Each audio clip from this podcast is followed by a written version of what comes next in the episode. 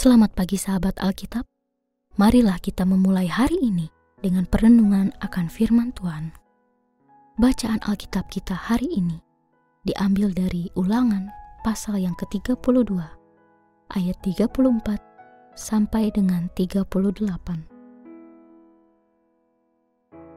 Bukankah hal ini tersimpan padaku, termaterai dalam perbendaharaanku?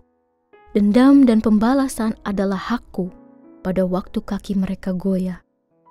Sebab hari bencana mereka sudah dekat. Apa yang disediakan bagi mereka segera datang. Sungguh, Tuhan memberi keadilan kepada umatnya dan berbelas kasihan kepada hamba-hambanya apabila dilihatnya kekuatan mereka lenyap dan yang terikat ataupun yang bebas sudah tiada. Ia akan berfirman, di manakah ilah mereka itu? Gunung batu tempat mereka berlindung, yang memakan lemak kurban sembelihan mereka, meminum anggur kurban curahan mereka.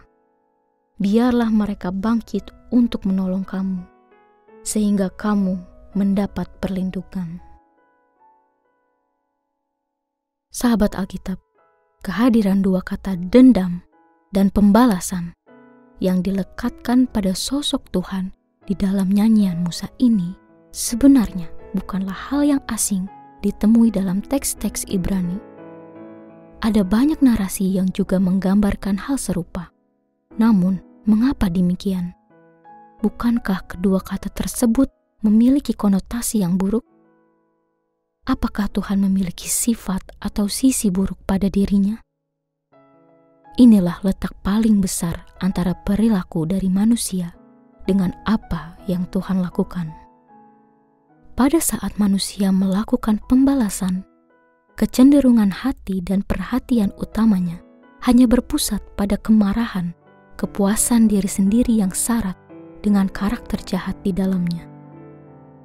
Namun, pada saat pembalasan dilekatkan pada sosok Tuhan, hal ini tidaklah sama dengan nilai dari pembalasan yang dilakukan oleh manusia pembalasan dari Tuhan tidak dimaksudkan untuk melampiaskan keinginan jahat dan menghancurkan si manusia, melainkan untuk menghadirkan keadilan dan mewujudkan keselamatan yang telah dirusak oleh perilaku manusia itu sendiri. Hal ini pula yang sering muncul dalam narasi hidup bangsa Israel yang telah berulang kali merusak rancangan Tuhan.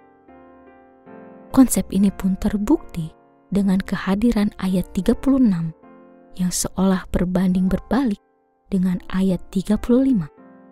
Meskipun keduanya sangatlah selaras dan berkaitan. Tuhan selalu menginginkan umatnya menjalin relasi yang intim dengannya. Namun sungguh disayangkan karena pada kenyataannya justru umatnya itu sendirilah yang berulang kali merusak hubungan yang telah ia bangun dan berulang kali pula mengkhianatinya. Meski demikian, kasih Tuhan jauh lebih besar dan berkuasa dibanding setiap kesalahan dan kejahatan pada diri manusia, sehingga setiap gerakan yang ia lakukan pada dasarnya bertujuan untuk merungkuh kita, bukan justru sebagai tampikan untuk menjauhkan kita darinya. Mari kita berdoa. Ya Tuhan yang Maha Pengasih, kami datang kepadamu pagi ini.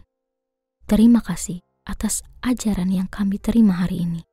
Ampunilah kami jika kami pernah melupakan kasih-Mu ya Tuhan.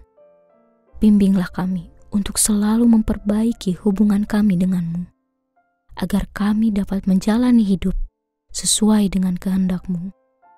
Bantu kami untuk memahami bahwa setiap tindakan pembalasan-Mu adalah bentuk keadilan dan kasih sayang-Mu yang tak terbatas. Di dalam nama Tuhan Yesus, kami berdoa. Amin.